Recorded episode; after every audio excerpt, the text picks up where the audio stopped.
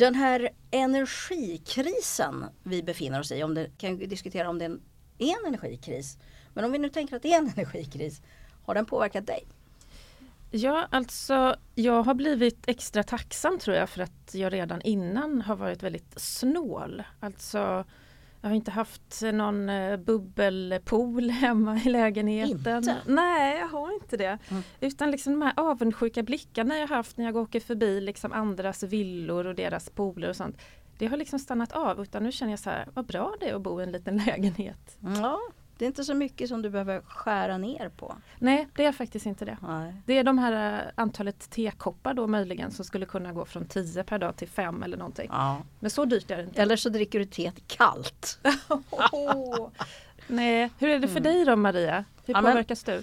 Ja, alltså jag har egentligen aldrig uppfattat mig som en energi, energislösare. Men, eh, men sen insåg jag att det kanske ändå var det. Visserligen eh, har jag alltid varit rätt dålig på att släcka lampor, det brukar min man klaga på. Men när den här eh, situationen liksom drog igång med energipriser som löpte amok. Då visade det sig helt otroligt att vi kunde skära ner energiförbrukningen på vår lilla gård med nästan 62 procent. Oj. Ja. Och då ska vi säga att hälften är fusk. För det var att vi installerade solceller och det, måste, det kräver, det är, ett, ja, det är ett privilegium om man har liksom möjlighet till det. Mm. Men resten det är liksom ändrade vanor och ganska små åtgärder. Så här, byta fönsterlister, stänga av utrymmen som vi inte använder på vintern, sätta upp draperier för fönster och dörrar, inte torktumla. Och så, ha, och så är det ju då Tibber. och Tibber är en sån här app som eh, som man kan hålla koll på sin elförbrukning. Vad hette det sa du? Tibber, det finns flera olika. Det, det flera, låter som att du säger timmer men som Nej, jag vore det lite förkyld. generat, tror jag. Ja, jag Timber. fattar. Eh, därför att eh, eh, jag är inte den enda som har blivit helt manisk Mm. i att hålla koll på min elförbrukning. Och det är bara meningsfullt om man har timpris Mm. och är beredd att göra någonting åt sin elförbrukning. Men då inser man att shit, nu går elpriserna upp till 208 eller 500, som, jag tror det var på 800 öre som värst. Någonting i den stilen. Eh, Och då inser man att det går ju inte liksom att tvätta då. Då får man ju vänta till sent på kvällen eller någonting sånt där. Mm. Ja. Så det var en ganska eh, eh, fascinerande upplevelse att gå från att jag trodde att jag var en energisnål person till att inse att det faktiskt inte stämde. Och det här Moa, det är intressant för det svarar mot vad som hänt i hela landet. Ungefär 20% har hushållen minskat sin elförbrukning, i alla fall under eh, hösten. Det kanske har hänt mer efter det. Och, och jag, jag måste bara säga också att jag talade med en person som kom från ett land i södra Asien som blev så otroligt förundrad när han kom till Sverige över det extrema energislöseriet. Att vi liksom tänkte att det var en outsinlig råvara. Och lite grann som vi också tänker kring vatten. Att det bara skruvar på kranen och så finns det liksom i oändlig mängd. I hans hemland så måste man tänka sig varje gång man lagar mat. Man kan inte säkert veta om eller när det kommer att finnas el. Den kan vara avstängd. Men så är jag inte säker på att vi ser oss som extrema energislösare. Vi är faktiskt med på topplistan bland de tio värsta i världen. Vi är inte riktigt lika stora energislösare som Island eller Bahrain. Men vi ligger före till exempel USA. Ja, det är det vi ska prata om här idag. Mm. Ehm, Mycket spännande hur Maria. tänker vi om el och energi? Hur ska vi förstå den här energikrisen krisen som pågår just nu? Det verkar finnas himla många olika förklaringsmodeller och även myter och missförstånd. Och hur hänger energi och klimat ihop? Och hur ska vi få till en rejäl energieffektivisering? Ja, sådana frågor. Men vi är inte ensamma. Nej, vi har gäster med oss. Experter på energi kan man väl sammanfatta det som. Eh, vi säger välkomna till Lotta Bångens, VD för EIF, intresseorganisation för energieffektivisering. Välkommen hit. Tack så mycket, jättekul att vara här. Och också välkommen till Björn Hedin, forskare på KTH med fokus på hållbarhet och energi. Tack så mycket. Ja, hur har det blivit så här? att vi i Sverige är sådana energislösare?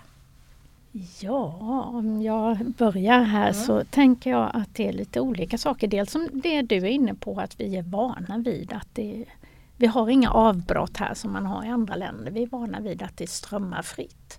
Mm. Och då är det väldigt lätt att använda eh, mycket också förstås. Eh, sen om du var också inne på det här med klimatkopplingen. Mm. Och där tror jag också faktiskt att en aspekt är att vi tycker, och det är ju så till stor del också, att vår energi i Sverige den är så grön och fin och ren. Så Mm. att då spelar det väl ingen roll hur men, mycket vi men använder. är det så att det inte spelar någon roll hur mycket vi använder? Nej, det skulle jag ju säga att det, det spelar ju väldigt stor roll hur mycket vi använder för att varje kilowattimme vi inte använder betyder ju att någon annan kan använda samma mängd energi någon annanstans. Ja, bra poäng. Mm. Så att till exempel om när SJ och andra tycker att de kör ju förnybar el och eh, fossilfritt och så vidare och sånt där. Det, så är det ju sant och det är jättebra att de gör det men om de använder mindre el skulle det ju betyda att någon nere i Tyskland i förlängningen kunde använda mindre gas för att producera el eller något sånt där. Mm. Så, att, eh, så att man borde tänka både, båda sakerna samtidigt. Mm. Men är det det enda skälet då? Ja, för mig är det eh, fler skäl än Mm. det. Och jag, jag tänkte på det speciellt i somras. Det var väldigt mycket skriverier, debattartiklar kring olika konflikter kring energiproduktion. Alltså främst elproduktion då. Det var kommuner som inte ville ha vindkraft. Det Mm. var gruvor som vi behöver för att bryta de här Mm. eh, metallerna till exempel för att Mm. bygga vindkraftverk eller solceller. Det var betong, cement, var ska det komma ifrån? Mm. Fullt med konflikter. Och det är också så även om vi har solen som en oändlig energikälla så Mm. måste vi ta till olika resurser för att använda solen. Mm. Och de där resurserna finns ju inte hur mycket som helst. Så jag, nej, av den anledningen också så eh, måste vi energieffektivisera även den gröna fina Mm. energin. Vi kan inte använda Mm. hur mycket som helst. Det finns en begränsning. Det är mer konfliktfritt att energieffektivisera än att producera mer. Jag Ja. håll, håller med helt om det. Just det finns ju ingen energiproduktionsform som är problemfri. Alla har sina Mm. problem. Biomassa, vindkraft, kärnkraft, vattenkraft. Mm. Allt. Så att ju mindre man använder desto bättre. Mm. Men då är det ju väldigt oroväckande som i häromdagen så läste jag en intervju med Ebba Busch som eh, eh, sa eh, hon fick frågan så här, den nya regeringen har fått kritik för att driva en politik som höjer utsläppen.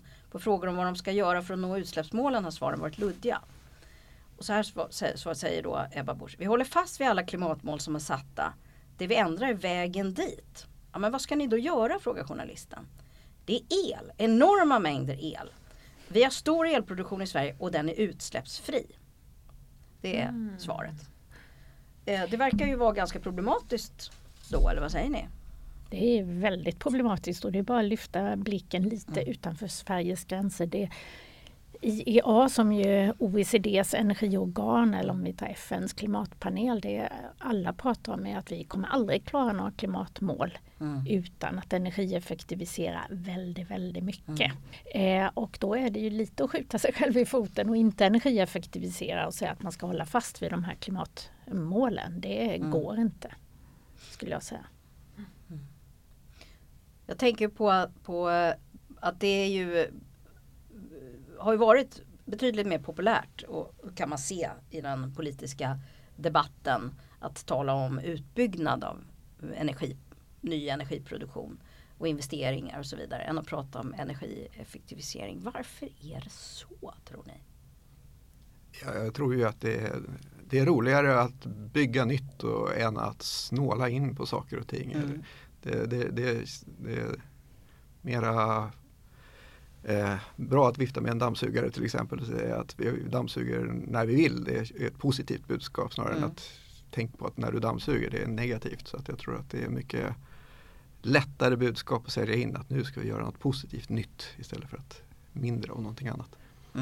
Men har det att göra med den här också positiva inställningen till eh, vad ska man säga, någon slags ekonomiskt system? Att eh, när man ska bygga saker då är det någon som får ett, ett kontrakt och de får pengar och de kan anställa folk och så betalar de skatt.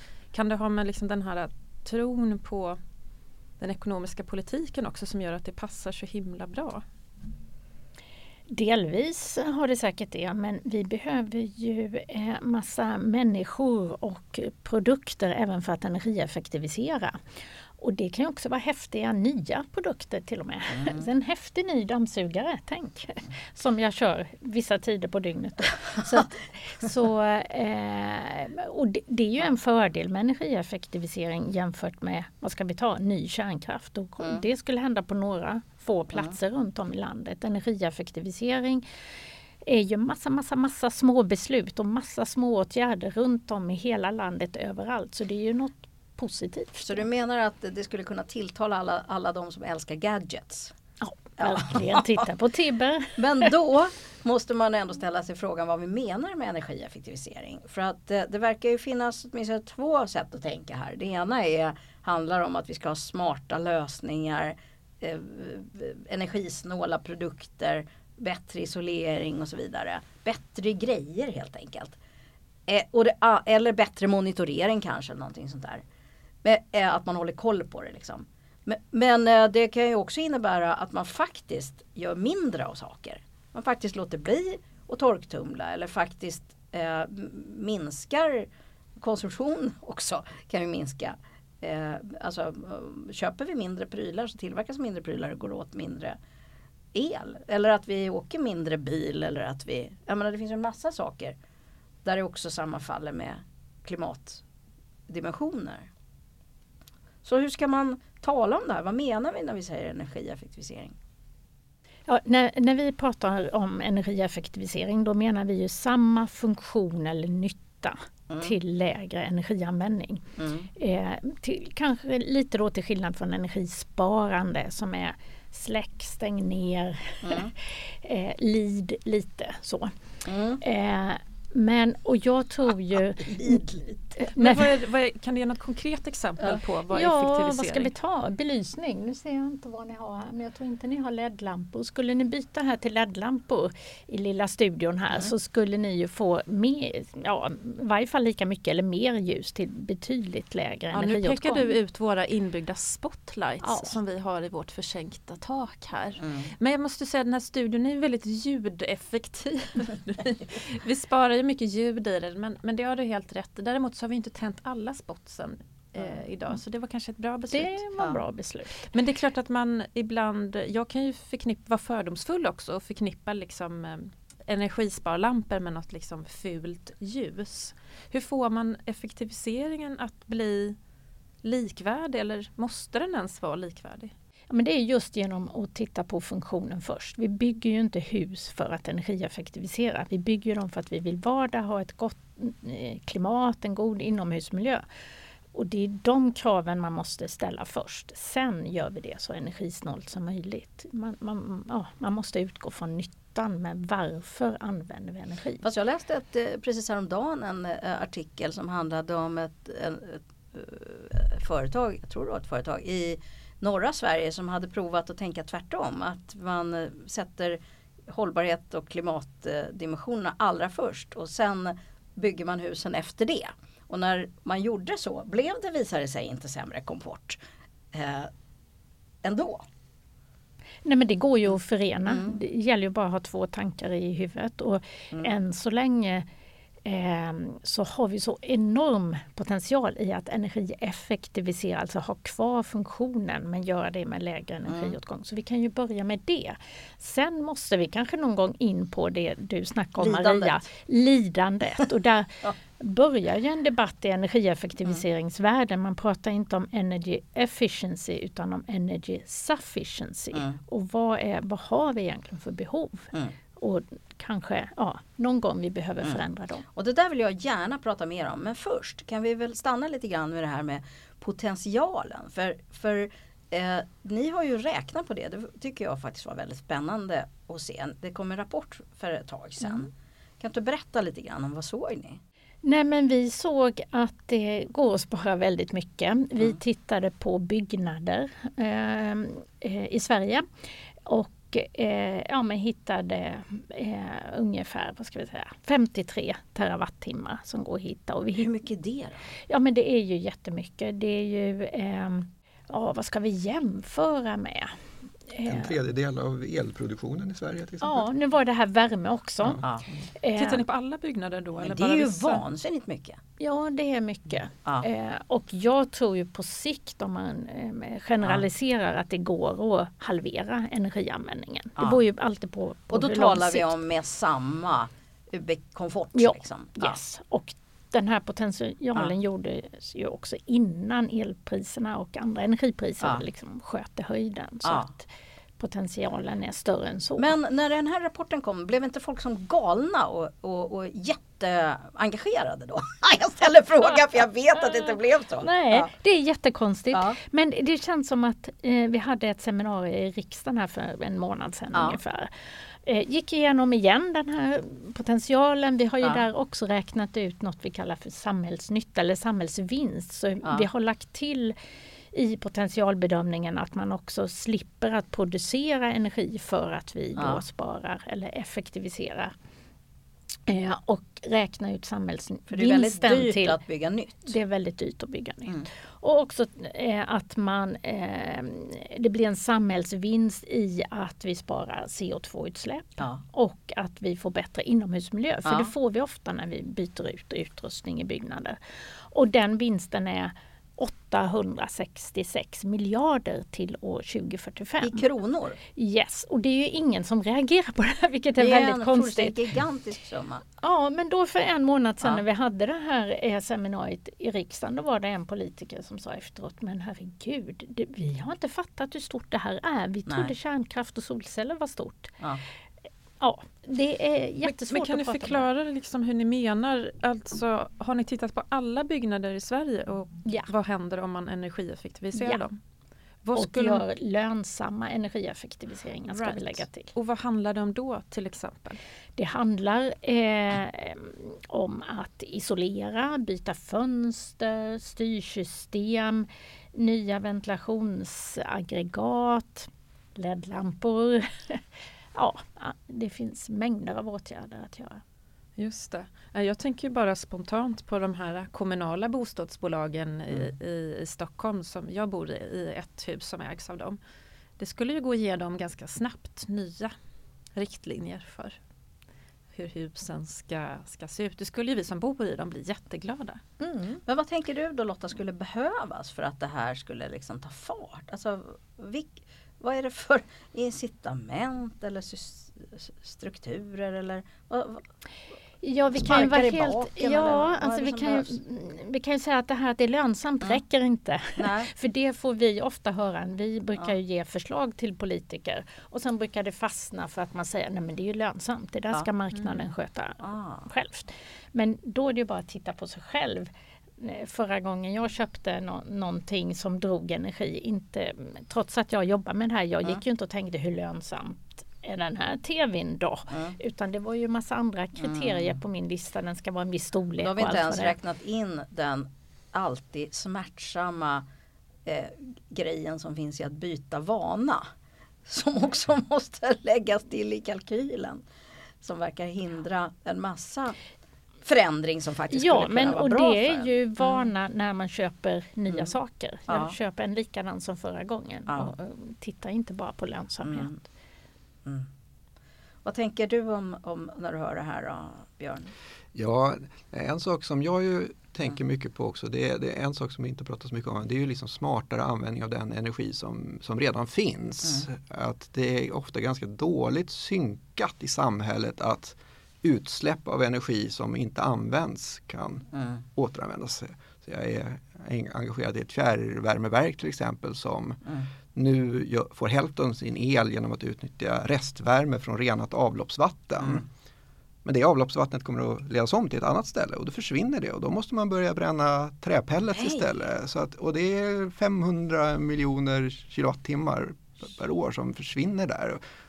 Och, det här är också en, vet ni vilket som är det största bananproducerande landet i Europa? Island? Ja, Ah. bra jobbat. Ja. Och det är då, de var till, alltså, till mitten på 60-talet var de självförsörjande på bananer för att de kan Ja. återanvända geotermisk energi Ja. och ha växthus med odla Mm. bananer. Och det är ju sådana saker, det pratar de om nu uppe i Hybrit när Mm. de ska göra grejer. Mm. Att de ska återanvända värmen som blir där till att odla tomater i Gällivare Mm. till exempel. Det är också Mm. sån där bra Mm. utnyttjande av spill. Var skulle Men- den komma från då? Eh, Mm. Tomaterna i Gällivare? De, det är det här stora vätgasprojektet där de ska göra fossilfritt stål och då måste man göra vätgas av el och vatten Mm. men som biprodukt då får man jättemycket värme. Och då kan man använda den till något bra sätt och de har redan massa spillvärme för att värma upp Ja. städerna där men att använda det till, till jättestora växthus för att Ja. Varför skulle dem. de göra vätgas sa du? Det är för att göra det här fossilfria stålet som man pratar så mycket om. Fossilfria stålet har jag helt missat. Ja, Ja. hybrid. Heter, Ja. heter konceptet. Ja. Och det, det är mycket sådana där saker. Liksom. Jag tror att sa- samordningen mellan olika delar i samhället, att se till att bygga ny infrastruktur där man kan ta Mm. användning av spillvärme till exempel. Hur ska det gå till med avloppsvatten då? Jag hängde inte med på det. Ja, det är det, just det där, eh, när man renar va- avloppsvatten så, så håller det en temperatur på 10 till 20 grader någonting. Eh, och då kan man göra sådana här värmeväxlar, använda sådana här värmeväxlar, att man tillför ungefär en del el och så får man ut tre delar värme av det. Så att- som en luftvärmepump eller en bergvärmeanläggning Ja, precis, ja. funkar. Mhm. Man använder skillnaden i temperatur. Precis. Ja. Så att, eh, och sådana saker, liksom, att nu kommer det där avloppsvattnet, det, är- det, det är säkert jättegoda skäl till att de gör det här ändå, Ja. men det kommer ändå bara pumpas ut i havet så att den Ja. värmen försvinner. Så att, Så att, att minska slöseri är ju en viktig grej där. Mm. Men då måste jag vilja återknyta till den här diskussionen om den här energikrisen vi just, det senaste årets händelser egentligen. Eh, som ju har fått en jäkla fart på hushållens eh, energibesparingar. Eller vad man ska kalla det, energieffektivisering. Och en jättefart på, på, på beställning av solpaneler och, eh, och olika typer av eh, liksom, eh, tekniker också. Men om jag förstår det rätt så har inte alls samma sak hänt inom industrin. Där har vi inte sett några sådana här effekter av den här krisen. Det kan man ju undra över. För det första, har jag rätt? Stämmer det här? Ja, men jag tror att jag har läst samma sak. Ja. Att den besparing som gjorde är framförallt hushållen. Mm. Eh, och det kan ju till viss del bero på att det, man drabbas direkt själv och Ja. eh, man har makt över den där lampan Mm. eller vad det nu är. Man kan dra ner den väldigt snabbt, göra en åtgärd. Det som är lite, eh, vad, eller vad jag tror kommer hända det är att det där kommer ju poppa upp igen. Mm. Eh, när den här värsta kriskänslan har lagt sig, då tänder vi lampan igen eller Mm. sätter på bubbelpoolen. Eh, för jag tror att vi framförallt har drabbats av den snabba förändringen i energipris. Det är inte bara den absoluta nivån. Mm. Och vi kommer inte orka vara i den här kriskänslan hur länge som helst. Och då åker lampan på igen. Alltså det du säger nu är en jätteviktig grej som jag vill prata vidare om. Nämligen att eh, hur får vi då det här för, för, nya förhållningssättet att hålla, stanna kvar. Men först måste vi tillbaks och reda ut detta med, med industrin och, och eh, alla som inte, allt som inte är hushåll. Eh, eh, och, och tror ni att det, är, att det bara är en fördröjning därför att det är längre horisonter när det gäller att ställa om? Eller, eller är det något som saknas när det gäller liksom förutsättningar för att också jag menar, industrin borde ju också vara intresserad av minskade kostnader. El är skitdyrt. Ja, nej, men, alltså, dels är det Ja. väl att man har eh, Eh, vad ska jag säga, som du sa, det är ju längre omställningstid säkert Mm. för en industri än en, en privatperson. Det kan ju också vara så att energieffektivisering kanske har kommit lite längre i industrier. Att de ju har tänkt de tankarna Ja. lite mer än hushåll. För att eh, de bör ju rimligtvis ha folk som räknar på det där. Så, en, Så du en, menar att det, den har, en del av det arbetet har redan gjorts? en del har liksom? nog redan gjorts. Men sen Ja. är det ju också det här att eh, el och energi har ju varit så otroligt tillgängligt och Ja. billigt i Sverige så att det har Ja. sällan kanske varit en viktig faktor. Det finns många andra saker som är rent så här Mm. företagsekonomiskt sett viktigare om man ska Mm. ha en industri. Men nu om det då kanske, det- kommer knappast att komma tillbaka till Mm. samma priser som vi hade tidigare. De var sjukt Mm. billiga och då kanske det blir större incitament att göra Mm. de här olika typerna av effektiviseringar. Men sen har vi också liksom vad eh, kanske välja andra produkter och andra produktionsmetoder överhuvudtaget. Mm. Jag, nämnde kort till dig tidigare tomater här som jag tittar på nu att Mm. det finns enorma skillnader på hur man odlar tomater i växthus. Det kan skilja Mm. en faktor 100 i växthusgasutsläpp. Från växthusodling. Ja, alltså vi har tittat på växthusodling i Grekland och Tyskland. Och sånt där. Och det, det sämsta varianten eh, som är, finns absolut, det är Ja. så här lite halvdåligt isolerade växthus som värms upp med naturgas. Och, och, och då släpper de ut 10 kilo koldioxid per kilo tomat, Ah. vilket är väldigt mycket. Och 40 kilowattimmar, det är alltså lika mycket som i, hushållsel som min familj använder på två veckor för Ja. att göra ett kilo Nej tomater. men gode gud. Ja, och det är sådana här saker. Men så samtidigt om man har välisolerat växthus Ja. som värms upp i biobränslen då minskar man elförbrukningen eller energiförbrukningen med en faktor 5 till 10. Och Mm, så mm. så det finns ju en enorm potential på olika håll. Mm. Men där har ju problemet då för oss som konsumenter att det, det, jag har ju ingen aning om hur de här Nej. tomaterna i affären är odlade så att jag kan ju Ja. inte göra något beslut utifrån det. Jag håller på att planera för att bygga en Wolipini. Vet ni vad det är?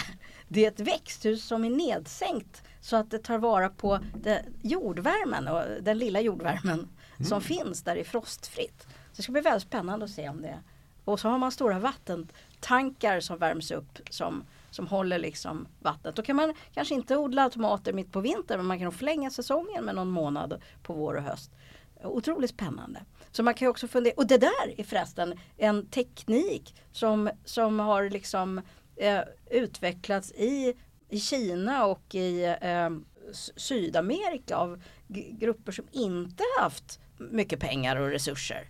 Eh, utan just för att eh, kunna på, på ganska, i, ganska i temperaturer som kanske inte är så gynnsamma ändå liksom eh, odla mat. Det är också fascinerande att tänka att man kanske kan lära någonting från, från, ja, från sammanhang där man faktiskt haft dåligt med energi och varit tvungen att hushålla. Jag Mm. tänker igen på det här med industrin och varför Mm. de inte har reagerat lika mycket då som en privatkonsument. Jag tror en Mm. grej är väl också att de behöver ju den här elen för att få sin inkomst. Mm. Alltså det, det, det är ju inte riktigt samma sak hemma i villan eller i lägenheten. Eh, och mycket vad jag har hört är ju att det som finns att spara är mycket på Mm. den här kringutrustningen som man Mm. kallar det, alltså på belysning, fläktar, tryckluft, vad man nu behöver i industrin. Och där kanske man inte först fäster blicken, man tänker inte på det. När man, är tänker så- på produktionslinjen. Ja, och den vill man ju inte röra. Nej. För att man måste ju producera de där bröden för att Ja. få sin intäkt. Och då vill man inte vara där och Ja. kladda att det ska hända något Just med produktions... Men vad ska man göra då för att liksom befordra att det här ändå händer? Och, och vi tänker så här, ja, man kan tänka vad behövs från politiken? Men man kan också tänka vad behöver eh, vad behöver branschorganisationen göra? Vad behöver liksom vad behövs det för några förutsättningar? Men jag märker ju eh, när jag träffar fastighetsägare och industrier och vi, om vi till exempel pratar om det här med elnätet och att vi ibland har kapacitetsbrist i Mm. vissa delar av landet. Då vill ju alla verkligen hjälpa till. Du sa innan det här med Tibber och när Mm. du såg att det kostade mycket men eh, så vill man göra någonting men många vill ju göra någonting ändå. Man är så här, men vi kan ju stänga ner det och det i vår fastighet eller vi kan ju flytta men man vet, det finns liksom ingen marknad för det och man vet inte när man ska göra det. Så det är en brist på Samordning. affärsmodell och en brist Ja. på dialog mellan nät, elnätsbolag och de som använder elen då. Okej. Men där finns en jättevilja tror jag så det, Ja. det, är en, det skulle vi kunna uppmuntra. Ja. Men kan man inte ge elnätsbolagen i uppdrag att jobba med samordning? Skulle inte de kunna få det som ett extra jobb? Att man liksom... Jag var inte det Anlita er- Då, i- det kan man. Ja. Sen kommer vi till något som heter intäktsramreglering. Oh, ja. Där, den gör det handlar om hur nätbolaget, eh, ja, deras intäkter regleras i den lagen. Och eh, som jag har förstått det så är det för ett nätbolag, de tjänar helt enkelt mer pengar på att bygga fler ledningar och öka kapaciteten den vägen istället för att de skulle kunna köpa energitjänster eller köpa energiminskningar på marknaden. Men eh, det är bättre ekonomi i att bygga ledningar. Hörrni, det här leder ju in på, eh, tänker jag, att det faktiskt ändå gjordes ett försök att se över det här. Som man la ner här. Eh, intressant energieffektiviseringsutredning med bland annat fokus på det som kallas för vita certifikat. Vad var det som hände egentligen Lotta? Ja, det var en utredning som eh, lades ner bara några månader innan den var, skulle vara färdig. Och den eh, var uppbyggd, alltså vita certifikat är ett system som man ska säga väldigt, väldigt enkelt så är det som de elcertifikat eller gröna certifikat vi har haft som har gjort att vi har all den vindkraft vi har i Sverige mm. till exempel. Där la, la man ju en, man kallar det en plikt på alla eh, energibolag. Gud, sa, där la man ju en, jag tyckte du sa lamadjur. och så tänkte jag, fan kom lamadjuren in? Ja men det låter ju ja, ja, Man la en plikt. plikt. Ja, okay. ja. Mm. Eh, staten bestämde så här mycket grön elproduktion vill vi ha och så la man ut det på alla ja. energibolag och så fick de göra, ja de fick göra vad de ville men många byggde ju vindkraft. Ja. Och vi betalade det som elkonsumenter via vår elräkning. Har man kunnat se på sin elräkning där. Ja. Och nu vill man göra samma sak. Eh, fast istället för att öka produktionen så ska man minska användningen. Så då skulle energibolagen eh, vara tvungna då enligt den här plikten att ja. gå ut till sina kunder och se till att, det, eh, ja, att man energieffektiviserar helt enkelt. Ja. Och det här är ett system som finns i ja, är det, hälften av USAs stater, i massa länder i Europa, så det är ett ganska beprövat system. Men vad hände då? Nej, man la ner det för att eh, jag tror att vi nog är den enda organisation, förening i Sverige som vill ha det här. Alla, eh, alla är emot det. Eh, av olika anledningar. Eh, men eh, Ja, jag har inte hittills sett något argument eller hört något argument som riktigt håller. Man säger att det skulle bli ett väldigt administrativt och krångligt system som kostar mycket pengar. Det är det inte om man tittar på forskning kring, man har ju analyserat förstås de system som finns. Det är, kostar inte mycket i administration. Mm. Och en finess med det också som jag ser är ju att energibolagen har ju en viktig roll. Och det är svårt att få till ett optimalt energisystem om de som säljer energi inte är med på att titta på energianvändningen. Mm. Vi kan inte få det optimalt om vi inte tittar på användningen också. Och det här skulle ju göra att de liksom blev tvungna att ta med helheten i sin mm. affärsmodell på ett annat sätt än idag. Mm. Tänka lite som Systembolaget. Mm. De ska ju sälja alkohol mm. men de har också folkhälsan i, mm. i bakhuvudet när de gör det. Mm. Man får inte sälja vin mm. på extrapris. Ta, ta tre, betala för två. Nej, eh, exakt mm. och de eh, blir ju glada om vi dricker mer öl istället för vin för det är lägre alkoholhalt. Mm. Mm. Så likadant kunde energibolagen eh, resonera. Vi ska förse samhället med energi men vi ska göra det på ett långsiktigt hållbart sätt och då måste man ta med energianvändningen i det. Och var kom det initiativet ifrån då? Är det något slags statligt eller? Själva utredningen? Ja. Ja, det är ett statligt eh, initiativ. Okay. Det mm. finns ett EU-direktiv som säger att vi måste eh, energieffektivisera. Eh, och då är ett förslag att använda vita certifikat. Sen kan man göra på andra sätt också men det är mm. därför det har utretts.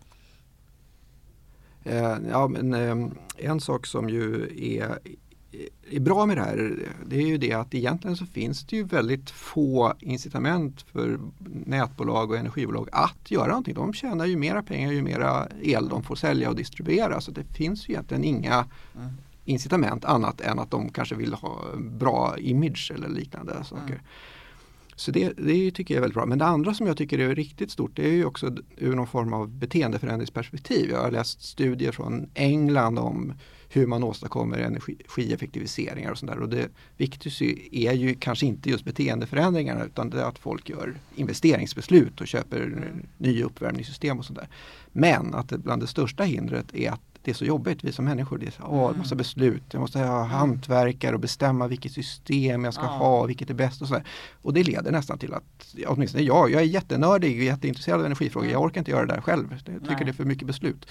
Det säger någonting att inte du orkar göra det. Ja, ja precis. Men här var ju då tanken Mm. att här skulle det snarare vara då att energibolagen fick utveckla något färdiga paket ungefär Mm. så att här och komma med förslag. Vi gör förslaget, du skulle kunna förbättra så här. Vill du köpa det eller strunta i det? Men då, Mm. då är alla beslut fattade. Det är pålitliga leverantörer, pålitliga system, någon som har tänkt igenom att det är ett bra lösning. Ja, Så det, jag tycker det är en briljant grundidé. ja. Jag får ju mail, mail av, av mitt elbolag där med så här, så här sparar du energi. Mm. Men det är ju bara, det är bara ett, ett mail. Men jag är ju också väldigt lat. Jag tror jag har klickat i någon gång att jag vill ha mer solenergi och sen har jag ju bara struntat i det.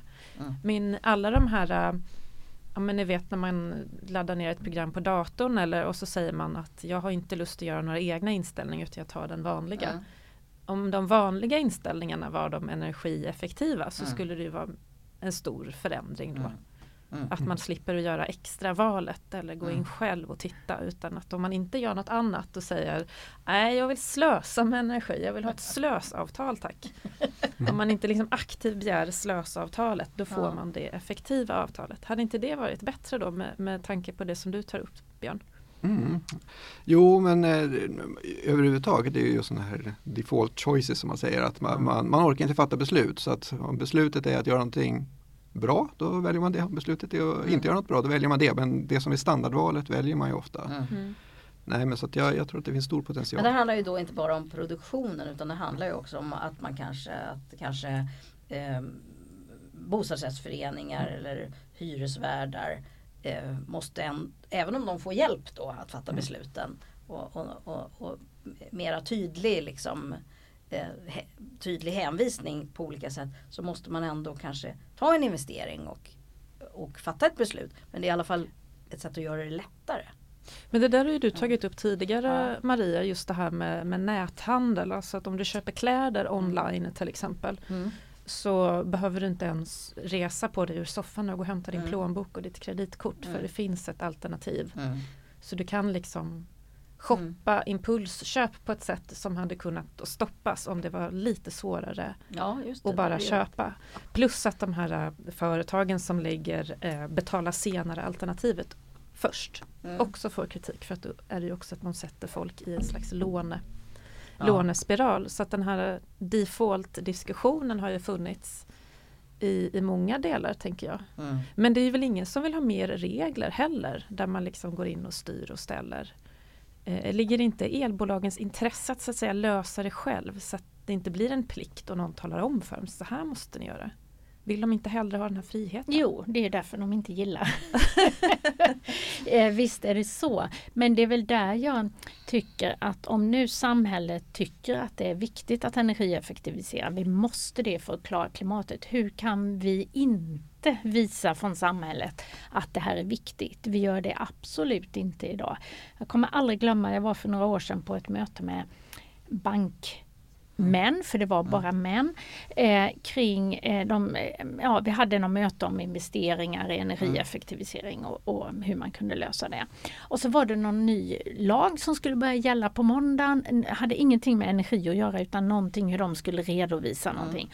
Och de var så fokuserade på det här, de kunde nästan inte prata energi för dem. Den här nya lagen skulle börja, eh, börja gälla och de var tvungna att åka hem och titta på klockan och hur ska vi uppfylla den här nya lagen. Och jag bara stod där och var helt, alltså hakan bara hängde. För att när vi inför nya byggregler till exempel, och jag, om jag hade varit på ett möte med massa byggherrar, fastighetsägare, de hade inte agerat likadant och tänkt att oj, nu måste vi hem och verkligen uppfylla den här nya energieffektiviseringslagen som kommer. Utan en helt annan inställning till, alltså vi har ju en lag om att alla byggnader ska energideklareras i Sverige. Den kom, ja hur gammal är lagen nu då? Den kom runt 2008 tror jag. Det är fortfarande 30% av byggnaderna som inte ens har energideklarerats. Det händer inget. Så vi, jag tror att samhället, även om jag vill inte heller ha mer lagar och regler än nödvändigt, men vi måste ju visa att vi tycker eh, att det är viktigt och det gör man ju genom vissa lagar och, och Mm. åtminstone se till att lagarna följs. Mm. kan man tycka. Mm. Mm. Och det, Men- finns, ja. det finns ju också det finns ju goda exempel på just som kopplar ihop regler och lagar med det här med default choices, att man Mm. gör enkla val. Till exempel så tror jag det sedan årsskiftet så är det så att för alla nya flerfamiljehus så m- måste det vara individuell debitering på värme från va- vattenvärme. Jaha. Eh, och det är en enorm grej. Det är Ja. alltså det, de, har- jag jobbar tillsammans med ett Örebrobostäder och de har ju testat att införa det. Det minskar energiförbrukningen för vatten med 30 procent Ja. ungefär. Att man, helt får plötsligt- syn på det. Ja, så att man inte tar och duschar Ja. 15 minuter eller kokar Ja. ägg genom att lägga ägget i vasken och sätta på varmvattnet Ja. när man går hemifrån. Vilket har hänt. Alltså, ja. Men jag har närstå, närstående tips. barn som kan duscha en halvtimme. Ja. kämpar vi med. Men hörni, nu vill jag glida över på ett annat tema. Nämligen, har vi en energikris? Har vi energibrist? Det låter ju så i debatten. Det här kan ju du mycket om, Björn. Ja, eh, och, det skulle jag säga nej. Det, det har vi inte. Vi har prisproblem nu. Ja, Okej. Pri, det, är höga priser men vi har ju aldrig någonsin haft så mycket el och energi som vi har haft i Sverige och vi använder den är bättre och bättre. För så det att, du nu säger, det går ju rakt på kontrakurs med den allmänna debatten. Ja, nej, och det, och, men så är det ju det. De här elpriserna vi har de beror ju på det höga priset på naturgas som beror på Hur Ukraina-kriget. hänger det ihop? Eh, det hänger ihop så här att eh, el betalas utifrån den dyraste elen som säljs inom ett elområde, till exempel södra Sverige. Då, till exempel. Den dyraste kilowattimmen sätter priset på all el som säljs oavsett om det kostar gratis att producera eller om det kostar mycket att producera. Eh, och eh, i Tyskland och i Europa då, då har ju blivit eh, kris med naturgas eftersom kriget har gjort att naturgasleveranserna har strypt så att priset på naturgas har det steg upp faktor fem, 15 gånger högre blev det under Mm. kriget med, som mest. Så att det är enormt mycket mera. Och eftersom eh, ja, typ en fjärdedel av all el som produceras i Europa är naturgas så kommer det att bli priset på naturgas som sätter priset på el Mm. i Europa och eftersom vi nästan oftast är sammankopplade mot eh, kontinenten så får vi, importerar vi de höga priserna. Så att eh, det, det, det, i, i, med- det, och det är inte så komplicerat liksom, om man har valet i Tyskland att köpa svensk el eller tysk el då väljer man det billigaste. Och Mm. det betyder att vi exporterar så mycket som möjligt och då får vi ofta deras priser. Det är lite svårt men Men det måste ju ändå vara Alltså om man står där och, och, och, och, och, får en elräkning som är fet eh, så, så, så tänker man ju att, men, att det måste vara så att det finns brist. För det är ju brister som i allmänhet avgör om någonting blir väldigt dyrt. Ja, det beror väl lite på vad man menar med brist då. Mm. Men det är, liksom, det, det ingenting som har egentligen med Sverige att göra för att det har, så, har mera el och så Men vidare. kärnkraften, den nedlagda kärnkraften då? I debatten låter det ju som om det är den som är anledningen till de höga elpriserna. Ja, eh, det kan man ju eh, ledas till att tro men vi producerar ju fortfarande mera el än innan kärnkraftsreaktorerna lades ner. Så att, eh, för att det har växt ut så mycket vindkraft. Så att det finns ingen brist på el i sig så att säga. Men däremot så är det en el som säljs dyrare. Vart tar då pengarna vägen undrar man? Ja, det där är ju en, det är en bra fråga. Det, det är en väldigt bra situation om man har någonting som, sälj, som producerar el till billig kostnad. Så att kärnkraften och vindkraften, det, är kostar inte dem ett öre mer att producera el nu än tidigare. Men eh, då så kan man sälja det för en faktor 10 högre.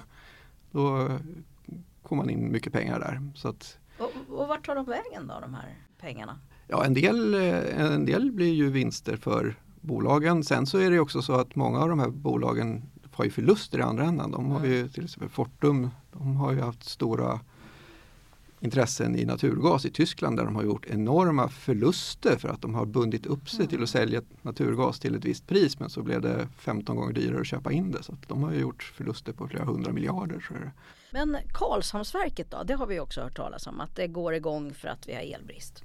Ja, och det gör det ju inte. Det, det går ju, det, de gånger det har varit exporterat el så har det varit just för att det har varit billigare att producera el där än nere på kontinenten. Så det har varit för att hjälpa Polen framförallt att eh, med deras elsystem. Så när man har kört det har det inte ens varit elbrist? Nej, det har varit i standby ett par gånger. Alltså att man Mm. drar upp det för att det finns risk att det skulle kunna komma Mm. någon elbrist. Men eh, Vad är det för något Karlshamnsverket? det är ett, ett eh, kraftverk som gör el som ligger nere i Karlshamn i Blekinge ligger det väl. Eh, och eh, på vinterhalvåret så har Svenska kraftnät det som upphandlat att de har rätt att dra igång det om de anser att det behövs för elsystemet. På sommarhalvåret. Som en sorts nöd. som en nödlösning om det Lösning. skulle krisa Mm. så att säga. Och det, det, det drivs med? Det drivs med olja. Mm. Men det drivs med så, det är så, så fruktansvärt lite i, i det stora hela sett. Det är, jag tror att det tar, trots att det används, har använts mer än någonsin så är det, tar det typ en dag för vindkraften att producera lika mycket el som den har gjort, gör under ett helt år, Karlshamnsverket. Men då måste jag ju fråga. Varför ser då debatten ut som den gör? För det här är ju inte alls den informationen som eh, används i, i... Det är inte det här intrycket vi Nej. får om vi tittar på det politiska samtalet om de här frågorna. Nej, och det, det är ju helt irrationellt skulle jag säga. Det, det, det är verkligen, jag tycker det är jättebra att Karlshamnsverket finns. Det är ett försvinnande lite utsläpp per år sett till det stora hela. Och det kan just göra att om det någon gång krisar så kan man lösa väldigt mycket av de problemen med Karlshamnsverket. Så att jag tycker det är absolut inget problem att det finns. Och det är väldigt lite utsläpp tota- Mm. i det totala. Men det är klart att det ser ju mycket ut. Oj, nu bränner det 140 000 liter i timmen eh, Ja det olja. är väl inte en... Det är ju en- ingen skitmängd äh, att säga. Ja, i det stora hela är det en skitmängd. Okej, ja, ja, tyckte det låter förskräckligt. Men, Ja. men, men jag, jag vill gärna stanna kvar lite grann eh, kring eh, det som jag uppfattar eh, av den här debatten som jag själv har ägnat en del möda åt att granska under året. har att du något exempel, så Maria? enormt, Ja, Karlshamnsverket till Ja. exempel har ju använts av ett antal politiker som ett argument för att eh, eh, Ja, dels för att vi behöver bygga ut kärnkraft snabbt. Och dels som ett argument för att eh, eh, lägga, placera skuld för eh, ja, men tidigare regering eller, eller tidigare politiska beslut. Eh, och, eh, och det återkommer om och om igen. Eh, det här med Karlshamnsverket. Och så, så får man veta att ja, men, eh, vad är det nu, 140 000 liter eller någonting i sekunder. Jag kommer inte ihåg siffran. Men enorma mängder. Och det låter ju fullständigt gigantiskt. Eh, när man inte känner till det hela. Och då, då framstår det ju som logiskt att jaha, eh, vi, vi befinner oss i den här eh, krisen på grund av att nedläggningen av eh, kärnkraften. Alltså det, då blir hela argumentationen logisk. Men om, om det här inte stämmer så blir ju inte argumentationen logisk. Då håller den inte längre. Så att jag tycker att det här är ett väldigt intressant eh, eh, exempel. Ja, och en Mm. annan intressant sak det är ju det här då det, det målas upp skräckbilder av effektbrist. Att oj, elen kan stängas av Ja. och sånt där. Och, och alltså det man pratar om att det finns ungefär 5 till 10 procent risk att 100 000 personer blir utan el i en timme Ja. på ett år. Eh, så att det, det och i sammanhang, och det har aldrig någonsin inträffat Mm. och det är ganska litet. Och varje år så har vi 7 miljoner vanliga strömavbrott för att Mm. folk gräver av ledningar och Mm. träd ramlar ner. Mm. Så att det är alltså faktor 1400 gånger större problem att, med vanliga strömavbrott än det här. Alltså jag skulle kunna leva, det tar 2000 år innan jag skulle Mm. få en timme strömavbrott statistiskt sett. Mm. Det är liksom inget problem. Men så att jag Ja, tycker det där den med, här med träden också gör ju att man liksom tycker att en timmes strömavbrott, det har väl de flesta människor upplevt. Och jag tänker också om man bor på landsbygden eller har en gård som du har Mm. Maria så kanske man också redan har tänkt kring det här. att ja, men Mm. Vad händer om, om strömmen går av? Ni kanske Mm. har en kamin som ni kan elda Mm. i så att ni inte fryser ihjäl. Ni kanske har liksom olika plan A, B och C lösningar. Det tycker jag inte är helt ovanligt. Nej, och dess, dessutom så är det här, det här när vi ramlar ner träd och stormar och sådär, det är oplanerade strömavbrott. Man har ingen aning om hur lång tid det tar. Jag hade strömavbrott i tre veckor när det var den här Alfrida-stormen på mm. vår sommarstuga. Det är mycket, men det här är planerade. De kan bestämma exakt vilka som får det här strömavbrottet. Mm. Så då säger de att ja, men det här området får det en timme, sen får det nästa område en timme om det skulle inträffa. Så, det blir så är, det, är det en sorts skräckpropaganda egentligen vi ser här? Ja, och det är väldigt konstigt. Alltså, mm. Svenska kraftnät och sånt där, de går ju ut och säger att det här är väldigt överdrivet. Det är liksom ja. inget stort problem. Det är klart det vore bättre om det inte fanns men det är väldigt litet problem i det stora hela. Så vilka är det som, som sprider den här eh, myten då? Ja, alltså eh, jag tror ju att det är politiska skäl, att man ja. vill driva i någon viss riktning och måla upp olika typer av Och kanske eh, i samverkan med lite journalistik också för att det skrämma upp människor Absolut. är ju också något som säljer. Nej du Maria, journalister gör aldrig så vet du. Utan Nej, de rapporterar sakligt. Ja, jag blev det. uppringd av P4 Örebro tror jag det var. Ja som eh, gjorde ett inslag om hur Klas, ja, en, ett, någon hade sålt mm. slut på alla sina dieselaggregat, sådana små mm. aggregat. Mm. För att människor tror just nu att det måste jag ju ha för min el mm. kommer snart att stängas av här. Mm. Och det är helt vansinne.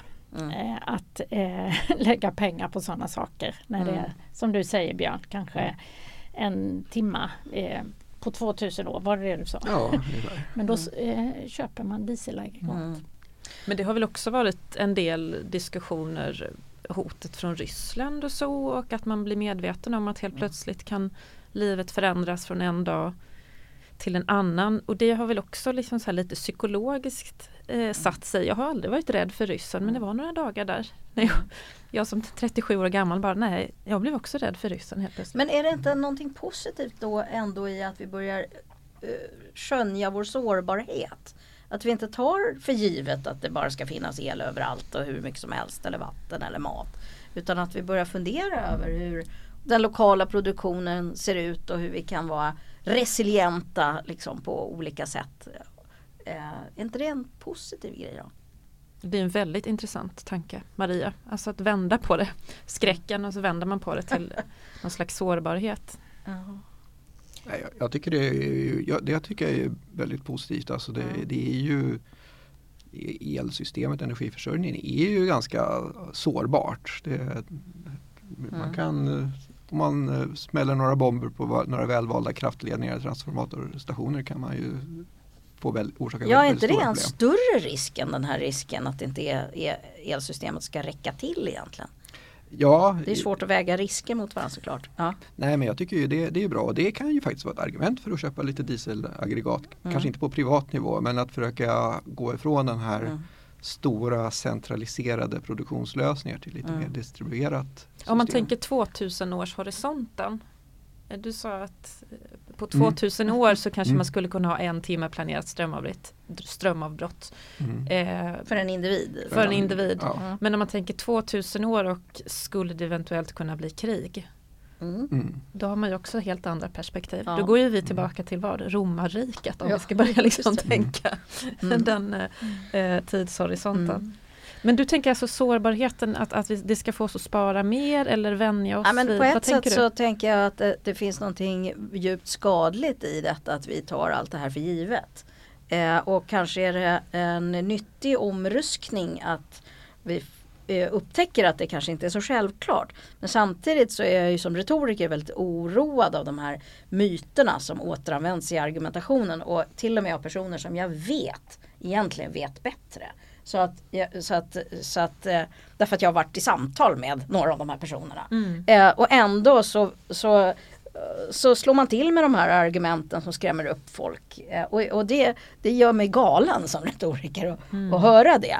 Eh, men jag kan tycka att det finns någonting hälsosamt i detta att vi inte att vi förstår att vi inte kan ta allting för givet. Mm. Mm. Och där, vi mm. försöker ju delvis vad ska jag säga, att mm. Utnyttja situationen. Mm. Eh, nu är vi där vi är och jag tycker också man ska absolut inte överdriva eller det, det mm. måste vara på riktigt. Men då gäller det ju att vi får till rätt åtgärder. Kanske inte springa och köpa ett dieselaggregat utan istället bygga in oss i ett energieffektivt system. Det är det vi märker att vi får respons helt plötsligt nu som vi Mm. aldrig någonsin har fått tidigare på det vi vill komma ut med. Mm. Eh, så det är ju verkligen ett tillfälle. Sen ska ju det inte vara uppskrämda människor förstås och det ska bygga på fakta men visst ser vi att det är ett Så ökat intresse. håller på. Ja.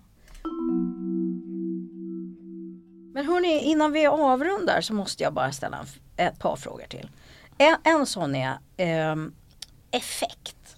Det tror jag att det finns jättemycket förvirring kring. Vad är energi och vad är effekt? Alltså i debatten så eh, talar man om eh, effekt, eh, eh, bespar, eller effekt, eh, effektivisering eller vad ska man kalla det? Att man, eh, och man talar om energi och det, det är inte samma sak. Så förklara någon av er. För våra lyssnare. Ja, alltså effekt är ju energi just nu, så Mm. energiförbrukningen just nu. Så att om jag är hemma, om jag drar igång spisen och värmefläkten och mikrovågsugnen och allt möjligt, då blir det väldigt hög effekt. Men sen, sen är de inte på under en väldigt stor del av Mm. dygnet. Så då, och det är ju effekt gånger tid blir energi. Mm. Så att det finns ju två olika problem. Det ena är ju då om man har brist på energi. Då Mm. är det liksom att över ett år så saknas det Mm. energi. Men sen så finns det effekt då och det är i stunden. Mm. Och i Sverige är det då framförallt då, har det pratats mycket om de här om det blir en väldigt, väldigt kall vinterdag så är det Mm. ofta att det blåser lite och sånt där och då kan det teoretiskt sett bli problem med att få Mm. tillräckligt mycket Så att man energi. kan ha energiöverskott med ändå en effektbrist. Är det Ja. så? Absolut. Ja. Det kan man ha. Och det är väl ändå på allvar? Ja, det, det är det. Ja. Sen samtidigt så är tanken, om vi pratar elsystem nu, så är ju tanken att bygga ut mera eh, eh, elnät över hela Mm. Europa så att Mm. om det finns är kallt i Sverige så kanske det är varmt i Spanien och då Mm. kan man exportera el därifrån. Så att man jobbar ju på att försöka bygga ut överföringskapaciteten. För då finns det alltid det. någonstans det blåser. Ja, Ja. Det, det är det. Och det sen, sol? och sen kanske det blir så att det är någon gång det inte blåser och då, men då kommer priserna stiga mycket och då, Ja. Då märker, minskar då märker man det och då minskar ans- förbrukningen. Ja. Men det är klart att det kan inträffa nå- någon gång att man får stänga av. Men då är då frågan är det, är det jordens undergång om jag inte har el en timme med tanke på att det är 7 miljoner strömavbrott per år i Sverige.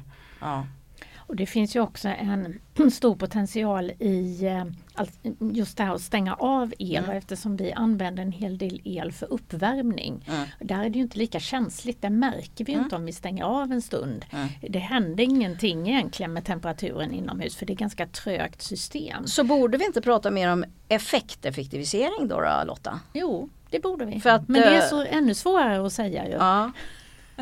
Effekt, effektivisering. ja men det blir ju att man, att man synkar det bättre så att om man vet att det kommer vara ett stort behov på ett håll så kan man kanske då tillfälligtvis stänga av uppvärmningen eller sånt där det inte spelar så stor roll. Men då måste man ju synka sig. Ja, och det Ja. måste ju ske per automatik så vi Ja. inte behöver gå in själva och styra det utan det och finnas styrsystem för Ja. det helt enkelt. Mm. Och det börjar ju finnas, så här, det är inte så stort men ag- aggreg- aggregatorer heter det. Så att om Ja. jag sitter och har värmepump och kanske ett batteri eller något sånt där så om, jag kan inte göra så stor skillnad själv och det är jobbigt för mig att sitta. Men Mm. då kan tusentals personer eh, bli medlem i en sån här aggregatortjänst eller Mhm. bli kund hos en sån aggregatortjänst. Och då är det något centralt företag som har, man överlåter en viss del av kontroll till dem så att de kan se, oj då, nu är det effektbrist i Sverige. Då kan de se till att använda mitt batteri för att putta ut el på nätet och att stänga av min värmepump. Så då kan de göra skillnad. på Och, och, och, men det, och det är någon vinst i det för mig då? Ja, då, är jag kund, då, då får jag betalt för att jag tillhandahåller den möjligheten att de då och då kan göra någonting. Så Ja att, men det är ju kolossalt fiffigt. ja, det är jättebra. Ja. Och som, som vanlig person så kommer jag inte att märka någonting. Det är lite, någonting med kanske det, värmen stängs av men det kommer jag inte att märka på grund av trögheten i systemet. Ja. Men då, då, då, då, då måste jag bara få eh, eh, klämma ut en till grej som jag verkligen bekymrar mig över själv. Och det är detta med att se energi framför sig. Det är så himla svårt. Man pratar om kilowattimmar hit och dit och eh, ampere och grejer. Och man fattar liksom inte hur mycket det är.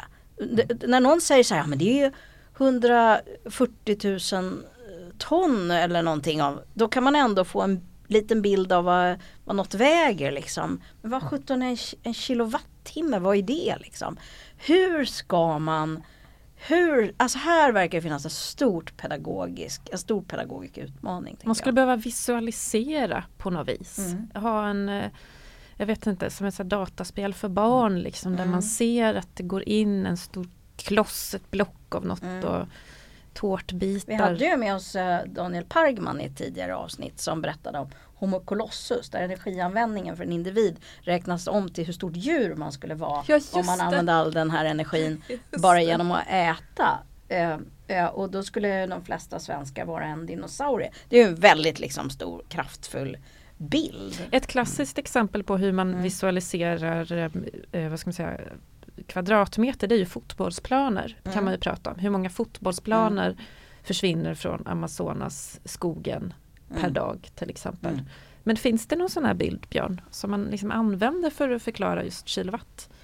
Ja, det, det finns ju lite olika. Vi, vi hade faktiskt ett projekt som vi kallar för kilowatt. Med, va? För just för att det var så obegripligt vad kilowattimmar var. Där Ja. man då försökte kunde se hur många mobiltelefonsladdningar motsvarar att eh, värma upp ett badkar vatten och sånt där. Och då kunde man få numeriska värden på det genom ett interaktivt verktyg. Ja. Vi märkte att det är fortfarande svårt. Alltså det, det, Ja. Oj vilken stor siffra det var, så glömmer man bort det. Ja.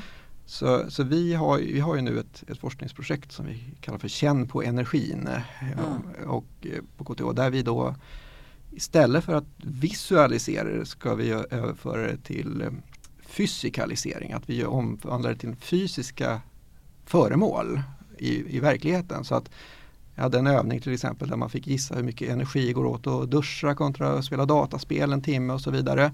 Men sen så representerades en kilowattimme av ett kilo. Så jag köpte sådana här gamla antika vikter såna här som så fem kilo på, stora Mhm. kluntsar. Mm. Eh, och så fick man hålla på och testa det. Och då, och då en, en dusch då, en kvartsdusch, det kanske tar 8 kilowattimmar. Om det då är en 8 kilos kluns man ska flytta på. Då sätter det sig verkligen medvetet. Oj, 8 kilo, det var mycket. Mm. Jämfört med 2 gram då för att ladda mobiltelefonen eller något sånt där. Men går det att översätta sådär? Det, går, det är ju inte en tyngd. Liksom. Nej, just, ju- just för eh, kilowattimmar är ju lite svårt. Man kan hålla på och göra olika beräkningar. Hur många kilo ved skulle det motsvara? Eller hur mycket, hur mycket kol skulle det vara? Eller olja eller något sånt där. Så det finns lite olika sätt att göra det. Men det där Däremot- som du berättade om tomaterna. Ja, Det tycker ja. jag ändå var väldigt... eh, Ja, Ja. vi har gjort vi har ju samma sak där vi tittar på koldioxidutsläpp och där, har vi, ju där är ju kilo koldioxid man Just pratar om och där ja. är det ju kilo verkligen. Så där håller vi på att göra samma sak då men man översätter mycket koldioxidutsläpp. Men, men kan man inte översätta, om vi ska återknyta vad kopplingen är mellan klimat och energieffektivisering. Kan man inte egentligen också översätta eh, energi med koldioxid i någon ände? Även om vår energi är, är, är miljövänligt producerad så kan man ju mots, kan man tänka på hur mycket energi blir det ur ett kilo olja då till Ja, exempel? ja. Nej absolut det kan man göra. Man brukar ju Ja. i runda slängar om man sparar en kilowattimme så Mm. sparar man ungefär i, någonstans i elsystemet ett halvt kilo koldioxidutsläpp. Det var som fan. Så att eh, det, det, det gäller just vid, Ja. vid, om, man, om man räknar då hela elsystemet. Att om jag Ja. sparar det här så kommer att sparas vattenkraft någonstans som på något sätt sen kommer att producera, göra att det produceras mindre kolkraft i Polen eller Tyskland. Okej. Ja. Så det kan man göra. ja, det där sätter saker och ting. Mm. Men vi, vi gjorde också, vi har gjort med koldioxidavtryck och mat håller vi på just nu och då Mm. är det sådana där, det är enorma skillnader. Som jag nämnde tomater, det kan, Mm. de sämst odlade tomaterna det blir ungefär 10 kilo koldioxidutsläpp Mm. per kilo tomat. Mm. Det är jättemycket. Mm. Medan de bäst odlade kanske 100 gram, så Mm. det är skillnad 100 i Ja. utsläpp. Och då om man känner på en tomatreplika eh, Mm. som man har gjort, en Ja. modell av tomater som väger typ som guld Ja. jämfört med något som väger som luft. Ja. Då får man en verkligen taktil känsla för det där. ja, just det. Hmm. Men får jag då säga som liksom en som gillar tomater, Mm. eh, kan man gå på kravmärkning eller ekomärkning på något vis? Eller? Nej, det kan man tyvärr inte. Det är, det är kört. Man det finns inget sätt som konsument att veta hur en tomat man köper är producerad. Och så här kravmärkning och ekomärkning det har inte någonting med klimatutsläpp att göra egentligen utan det är andra, andra parametrar. Då ska man bara köpa gurka istället? Är det så? Nej, man ska köpa något eh, Man ska köpa morötter. morötter. Morötter. Ja, något härodlat vinter. Ja, Grönkål, Ja. potatis. Morötter och potatis? Kålrot. Ja. men, men just det här också, Ja. det, det, du var inne på energi och, och, Mm. koldioxidavtryck. Att det är, när vi pratar koldioxidavtryck så är det ju nästan i slutändan alltid energi på något sätt. Ja. Så, så att, jag pratade om mat nu. Det, det är, ja, som, vi som är i vårt hushåll, hushållsel, det är det folk Ja. tänker på när man pratar el. Det är liksom sätta på tvn eller koka vatten. Ja. Det är en så försvinnande liten del av totala energiförbrukningen i samhället. Det är några proc- någon procent eller några procent kanske. Så att till exempel den, e- den mat jag köper, den energi som har gått åt att producera den, det är ungefär tio gånger mer än vad jag använder i hushållsel. Ja. Så att det är enorma mängder. Det är en tredjedel av världens energianvändning går åt till att producera mat. Till Ja. exempel. Det är ingen som vet det. Nej. Och just hela den här indirekta energin. Ja, Mm. all, all här, den indirekta energin Mm. tror jag kommer att bli nästa stora grej om, Mm. om några år. Alltså hur, all energi som går åt att bygga ett hus eller göra en väg eller Mm. göra en iPad eller vad som helst. Det är enorma mängder energi som går till det och det tänker folk inte på Nej. överhuvudtaget. Men hörni, om vi ska drömma lite då. Eh, om ni två fick önska de bästa möjliga förutsättningarna för energieffektivisering. Vad skulle det vara? Ja, alltså det finns ju inte en Nej. sak. Eh, utan jag tror dels att samhället måste göra någonting. För det blir ändå så, det finns ju det blir viktigare för oss om vi vet att vi har fler med oss. Jag vet det finns ju väldigt många eldsjälar ute Ja. i landet som eh, vad kan det vara, vaktmästare på skolor eller någon fastighetsskötare som verkligen, kanske i det här huset, som verkligen springer omkring och skruvar och försöker Ja. få huset så energisnålt som möjligt. Men jag tror att för att det ska hålla i längden med eldsjälar så måste man känna att jag gör ändå någonting och jag har samhället med mig Ja. i det jag gör. Eh, så vi måste ju visa, eller samhället, politiker måste visa att man vill det här. Ja. Och faktiskt eh, se till att vi följer åtminstone de lagar och regler vi, vi Mm. har. Eh, och sen uppmuntra de initiativ som finns till ja, eh, bättre erbjudanden. På, du var inne på att eh, Björn, det här med att när man ska köpa någonting själv, att det är inte så lätt att göra det. Hur köper man energieffektivisering? Uppmuntra företag Mm. att ta fram jäkligt bra erbjudande helt Mm. enkelt så att det ska vara enkelt att göra rätt. Mm. Det är det inte idag. Nej. Och vad tänker du Björn? Alltså jag, jag tänker ju att det vore ju fantastiskt om politikerna kunde gå fram med gemensamt. Alla säger ju att ja, men det här är viktigt fast det är Mm. väldigt, väldigt långt ner i någon liten Mm. bisats någonstans. Om de, alla politiska partier kunde säga att det här är jätteviktigt på Mm. riktigt. Så att alla var överens om att det, det här är viktigt. Mm. Att det var enighet kring det. För det Mm. är viktigt. Mm. Då tror jag att det skulle vara lättare att få med folk på Mm. det. Så att nu har man ju kommit ganska långt till exempel i koldioxidutsläpp. Att många, de flesta är ju ganska överens om att det är någonting vi ska Mm. minska. Men energibesparingar, att det är nästa grej kanske. Mm. Men, men ska vi, vi kan väl inte sitta här och vänta på att det ska komma? Det känns lite mörkt just nu. Eh, så vad kan vi göra då för att trycka på det? Eller för att, vad, kan, vad kan jag och Moa göra? Nej men det, alltså jag tror ehm, om man inte, det finns ju politiker både nationellt och sen finns Mm. de regionalt och lokalt där Mm. man eh, också kan jobba. Ja. Eh, där man kan se, det kan vara enklare tror jag. Ja. Eh, och det finns en hel del organisationer och också vissa myndigheter som man kan Ja. försöka påverka som vill det här.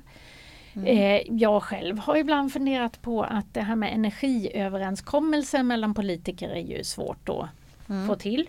Eh, eh, men kanske en energieffektiviseringsöverenskommelse skulle vara lättare. För Mm. som du säger Björn, alla är så rörande överens om det. Eh, så det kanske skulle hålla längre än en energiöverenskommelse. Mm. Ja, och lyfta, lyfta upp det på agendan att det här Mm. är viktigt. Det tror jag Mm. är viktigt. Sen vad man jag som, som individ kan göra, det är ju lite svårare. Men det, det, prat, om man gör saker och ting, prata med sina grannar. Det, Mm. det är ju väldigt mycket större Mm. påverkanseffekt om någon man känner har gjort någon energieffektivisering. Mm. Det är ju en påverkan i det ganska lilla formatet. Mm. Men det är ändå något som man faktiskt kan göra. Mm. Mm, det ska du och jag göra Maria. Jag har ju en solpanel på min segelbåt längst Mm, bak som mm, syns. Så det är ett mm. så ständigt samtalsämne. Mm, vi Har har du en solpanel? Mm. Vad räcker Ja. den till? Ja. Ja, den räcker nästan till allting säger jag. Och jag, eh, jag ska skryta Ja, gör så. Mycket mer över de här eh, effektiviseringarna vi har gjort. Ja. Och tala tyst om dem vi ännu inte har gjort. Nej då, Ja, ska jobba är- vidare på det. Du är Mm. inne på att skryta tror jag. Mm. Vi, vi försöker nu skapa en slags Mm.